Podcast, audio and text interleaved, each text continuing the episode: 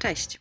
Z tej strony mikrofonu witacie Kinga Fromlewicz. Jestem trenerką biznesu, doradczynią zawodową, specjalistką PR i twórczynią pierwszego w Polsce portalu rozwojowo-zawodowego dla osób 40+, czyli projekt 40plus.pl, na który oczywiście serdecznie zapraszam. A to jest podcast bez szyldu, czyli audycja o tym, jak po latach pracy dla kogoś pod cudzą marką zacząć budować swoją rozpoznawalność opartą o własne doświadczenie i wiedzę. Chodzi o to, żeby odpowiednio pokazywać się na rynku jako ekspert, jako doświadczony specjalista, podkreślając właśnie swoje doświadczenie, swoje zrealizowane projekty, swoją wiedzę zdobywaną przecież przez lata. Korzystając z mojego doświadczenia PR-owego, pomagam też osobom szukającym pracy, które y, chcą w atrakcyjny sposób zaprezentować się potencjalnym pracodawcom. Nie jestem coachem i nie udzielam konsultacji, jak odnaleźć swój potencjał czy budować siebie na nowo, bo po prostu się na tym nie znam. Ja podczas konsultacji skupiam się razem z klientem na konkretnych elementach, jak i co napisać i podkreślić w CV,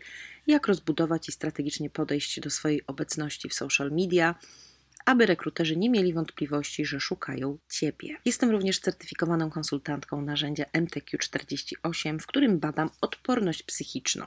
Jeżeli interesuje Cię taka konsultacja lub badanie, po prostu do mnie napisz na kontakt małpa kingafromlewicz.pl. Dzisiaj mamy 20 odcinek mojego podcastu Bez Szyldu. Bardzo, bardzo się cieszę, że dotarłam do tego momentu, e, zwłaszcza w tak szczególnym czasie, w jakim, z jakim mamy teraz do czynienia i z jakim wszyscy się borykamy tak naprawdę, czyli kryzysu, właściwie początkowej fazy kryzysu spowodowanego COVID-em. Pomyślałam sobie, że w związku z tym, że to właśnie okrągła e, liczba, to zabiorę Cię na nagranie do ogródka pod sosenkę, żeby w miłym otoczeniu poczuć się, jakbyśmy byli razem na kawie. I chciałabym dzisiaj porozmawiać z Tobą o tym, czy w kryzysie, czy w trudnej sytuacji rynkowej, w której ten rynek jest coraz bardziej, bardziej konkurencyjny, warto myśleć o przebranżowieniu. Jeżeli tak, to w jaki sposób? Ja sama właśnie teraz, w kryzysie, w COVID-zie, e, zaczęłam dodatkowe studia, zaczęłam, e, dodatk zrobiłam dodatkowe certyfikacje po to, żeby rozszerzyć swoje kompetencje i żeby one były jeszcze bardziej atrakcyjne na rynku, czy to szkoleniowym, czy doradczym. Powiem Ci, jak ja podeszłam do takiego mini, tak to można nazwać, przebranżowienia i dlaczego uważam, że takie mini kroki w tym trudnym czasie mogą się sprawdzić i mogą być skuteczne i mogą sprawić, że po prostu nie będzie brakować tej pracy i będziemy w miarę bezpieczni, chociaż wiadomo, że to jest dosyć umowne i e, właściwie nie ma bezpiecznych sytuacji na rynku pracy czy na rynku usług. Ja do przebranżowienia, do dodawania tych kompetencji podeszłam w taki sposób, że przede wszystkim zastanowiłam się, jakie obszary chciałabym rozwijać, ale też jakie obszary mam po prostu mocne, co jest moc, moimi mocnymi stronami. No i wyszło mi, że oczywiście no, trudno uciec od y, PR-u, kiedy się pracuje z komunikacją od 20 lat i właściwie no, nie chciałabym, nie wiem, tego ukrywać czy się tego wstydzić, bo też nie ma czego, wręcz buduję na tym, prawda, swoją, e, swoją markę, więc postanowiłam, że to będzie punkt wyjścia. Natomiast wiedziałam, że nie chcę robić całej tej pracy PR-owej związanej z doradztwem agencyjnym, ze współpracą z klientami itd., tak itd. Tak Bardziej ustawiam się i, i zawsze ustawiałam po stronie konsultingu, po stronie doradztwa, po stronie pomocy w opracowaniu strategii, ale wdrożenie już zawsze zostawiam swoim klientom. Więc kiedy doszłam do takiego wniosku, oczywiście rozejrzałam się po rynku, czego brakuje. W każdej książce biznesowej to znajdziesz. Poszukałam swojej niszy to jest takie dosyć mityczne. Wszyscy o tym mówią, tak? Znajdź swoją niszę. A to jest bardzo trudne na pierwszy rzut oka, zwłaszcza, że zwykle my mamy takie poczucie, że przecież wszystko już jest na rynku. Tymczasem okazuje się, że jak zrobimy porządny research, jak się wgryziemy w temat, to okazuje się, że no jeszcze są takie małe szczelinki, które można zapełnić swoim doświadczeniem i swoją wiedzą. U mnie takim obszarem okazało się doradztwo zawodowe ale doradztwo w rozumieniu nie budowania ścieżki kariery czy y, odkrywania potencjałów, bo tak jak powiedziałam we wstępie, ja się na tym nie znam i, i, i nie, nie, będę udawać tutaj specjalistki, bo y, jakby nie na tym polega budowanie wizerunku eksperta, na udawaniu, tylko na y, podkreślaniu swoich mocnych właśnie stron i tego, z czym chcemy być kojarzeni. Więc pomyślałam sobie, czego w takim doradztwie zawodowym brakuje i co ja mogłabym wykorzystać ze swoich dotychczasowych doświadczeń. Okazało się, że bardzo mało a właściwie no ja nie znalazłam nikogo, kto mówiłby o budowaniu swojej pozycji jako kandydata z uwzględnieniem wszystkich tych elementów promocyjnych, tych narzędzi PR-owych, na których ja się doskonale znam. Ja postanowiłam, że będę pomagać kandydatom w PR-owaniu siebie na konkurencyjnym rynku pracy. Co to oznacza w praktyce? Ano oznacza to tyle, że podchodzimy do, z moimi klientami podchodzimy do tematu bardzo, bardzo holistycznie, czyli zastanawiamy się, w jaki sposób przygotowane są dokumenty, co w nich jest podkreślone.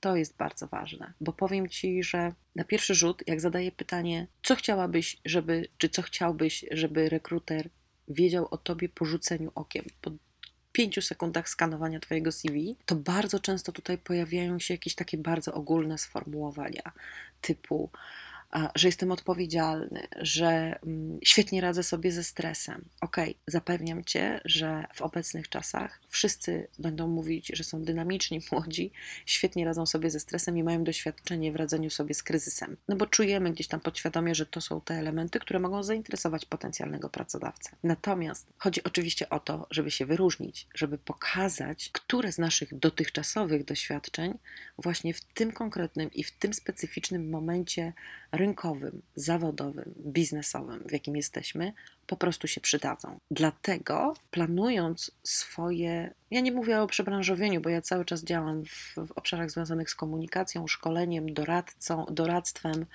e, konsultingiem, ale decydując się na rozszerzenie swoich kompetencji i dołożenie kolejnych usług, właśnie określiłam tę, e, określiłam tę niszę i jakby dołożyłam do tego, co już wiem i co już umiem. No ale oczywiście to się nie dzieje z dnia na dzień i y, ja nie jestem wyznawczynią teorii, że wystarczy przeczytać jedną książkę i już jesteś ekspertem w danym temacie, bo to tak po prostu nie działa. I to nie jest ekspert. Zresztą o tym y, bardzo często tutaj mówię. Ja ze swojej strony y, zainwestowałam w studia podyplomowe związane z doradztwem zawodowym właśnie e, oraz, tak jak już wspominałam, e, certyfikowałam się z narzędzia MTQ48, bo uważam, że mm, poznanie swoich mocnych i słabszych stron właśnie pod kątem odporności psychicznej jest niezwykle ważne w sytuacji, kiedy szukamy pracy na tak bardzo konkurencyjnym rynku. Czyli zobacz, podeszłam do tematu bardzo strategicznie, tak jakbym pisała po prostu strategię promocji czy komunikacji dowolnej usługi czy dowolnego produktu. Najpierw zrobiłam research rynku, później określiłam, co ja w ogóle chcę osiągnąć, w którą stronę chcę iść, jakie z już posiadanych zasobów wykorzystam, następnie które zasoby wymagają uzupełnienia, rozwinięcia czy wzmocnienia, i dopiero powstała mi z tego usługa, nowa usługa, nowy pomysł, który mogę oferować na rynku w tych trudnych czasach, dopasowany do rynku, dopasowany do sytuacji, dopasowany do oczekiwań e, ludzi, którzy w tym momencie poszukują pracy. Bardzo również Tobie polecam takie strategiczne i bardzo zaplanowane i przemyślane podejście, no bo trudno teraz liczyć na um, eksperymenty i na to, że zobaczymy, czy coś będzie działać, czy nie działać. Lepiej się przygotować, lepiej przemyśleć korzystając, podkreślam jeszcze raz, z tego doświadczenia i z tej wiedzy, którą już zgromadziłeś jako ekspert czy specjalista przez te wszystkie lata dotychczasowej pracy. I teraz, czy ja uważam, że warto w ogóle podejmować trud przebranżawiania się w kryzysie? Tak, ale moim zdaniem, poza tym podejściem strategicznym, trzeba sobie uczciwie odpowiedzieć na pytanie, czy jeżeli ja teraz postanowię się przebranżowić na programistkę, to czy będzie mi łatwo znaleźć pracę w tym nowym zawodzie? Czy jeżeli przed kryzysem firmy niechętnie inwestowały w juniorów, którzy dopiero zaczynają swoją przygodę z programowaniem, a przynajmniej w juniorów, którzy mają 35, plus, wiem to z doświadczenia, że wcale ten rynek nie był taki chłonny na ekspertów z, z innych dziedzin, którzy się przebranżawiali. Wymagało to bardzo dużo samozaparcia i determinacji. I teraz, czy jeżeli ja nagle postanowię się przebranżowić w kryzysie na taki zawód, w którym bardzo trudno było również przed kryzysem i, zajmo- i to przebranżowienie jednak zajmowało sporo czasu, czy to jest dobry moment na takie rzucanie się na bardzo głęboką wodę? Oczywiście na to pytanie każdy z nas musi odpowiedzieć sobie sam, e, w zależności od tego, jaką ma sytuację finansowo, domowo, biznesowo, e, psychiczną właśnie, tak? No bo jeżeli ktoś nie do końca jest przygotowany na to, że ta zmiana jednak będzie wymagać bardzo długiego czasu i potrzebuje bardzo szybko e, dopływu nowych pieniędzy, no to tak duża zmiana i tak gwałtowna zmiana i tak jakby fundamentalne przebranżowienie nie do końca, znowu podkreślam, moim zdaniem, jest dobrym pomysłem na trudne czasy. Ja bardzo polecam Ci, żebyś po wysłuchaniu tego odcinka usiadł i właśnie zastanowił się, z czego Ty możesz skorzystać, co możesz wykorzystać z tego, co już masz. Tak na dobry początek. Bo ja wiem, bo za chwilkę pojawią się głosy, że tak, ja tutaj mówię o studiach podyplomowych czy o kursach i tak dalej.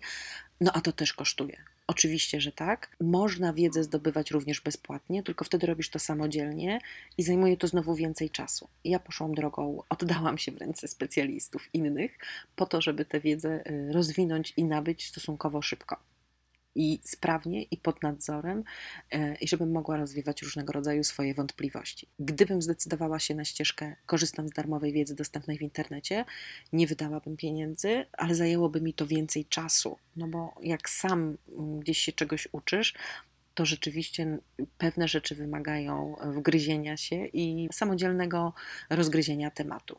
Dlatego tutaj znowu każdy musi zdecydować sam, którą ścieżką pójdzie. Natomiast Podsumowując, ja bardzo, bardzo, bardzo zachęcam do tego, żeby właśnie w tym trudnym momencie zastanowić się właśnie nad swoimi zasobami e, i pomyśleć o takim mikroprzebranżowieniu, tak to nazwijmy, czyli budując na fundamencie, który już masz, po prostu dołożyć kolejne piętro do swojego domu zwanego doświadczeniem zawodowym. Dołożyć piętro, które będzie dostosowane e, designersko, e, architektonicznie do obecnych oczekiwań i wymagań rynku. Na koniec mam dla Ciebie kilka ciekawych e, danych, które ostatnio znalazłam w artykule e, Rzeczpospolitej na temat tego, jak wygląda rynek pracy dla pracowników 50 plus e, właśnie w czasie kryzysu. Z najnowszych danych GUS wynika, że liczba bezrobotnych w czerwcu 2020 była już o około 150 tysięcy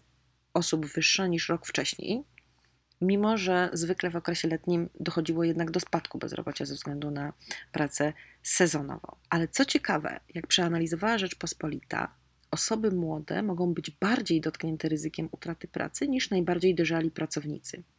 Okazuje się, że w grupie osób do 30 roku życia liczba bezrobotnych wzrosła rok do roku aż o 60 tysięcy, podczas gdy w grupie 50 plus było to 18 tysięcy.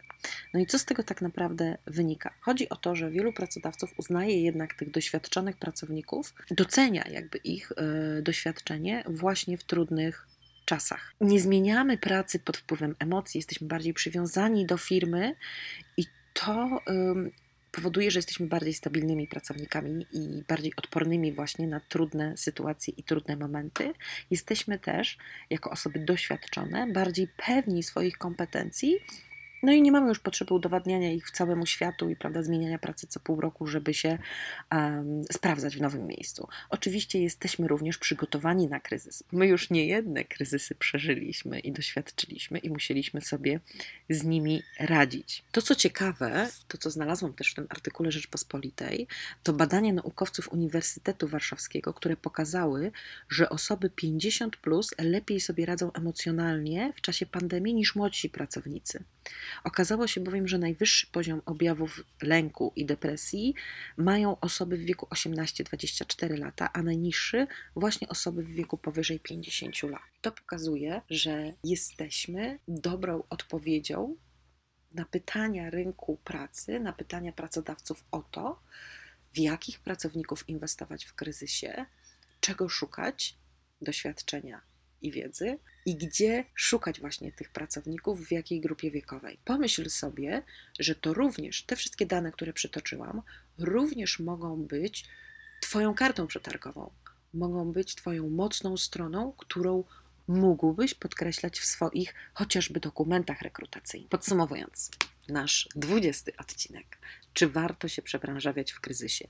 Tak, ale z głową i strategicznie. I ja, podkreślam to moje zdanie, po raz kolejny, żeby nie było, że to jakaś prawda objawiona. Nie, to moje przemyślenia i moje zdanie.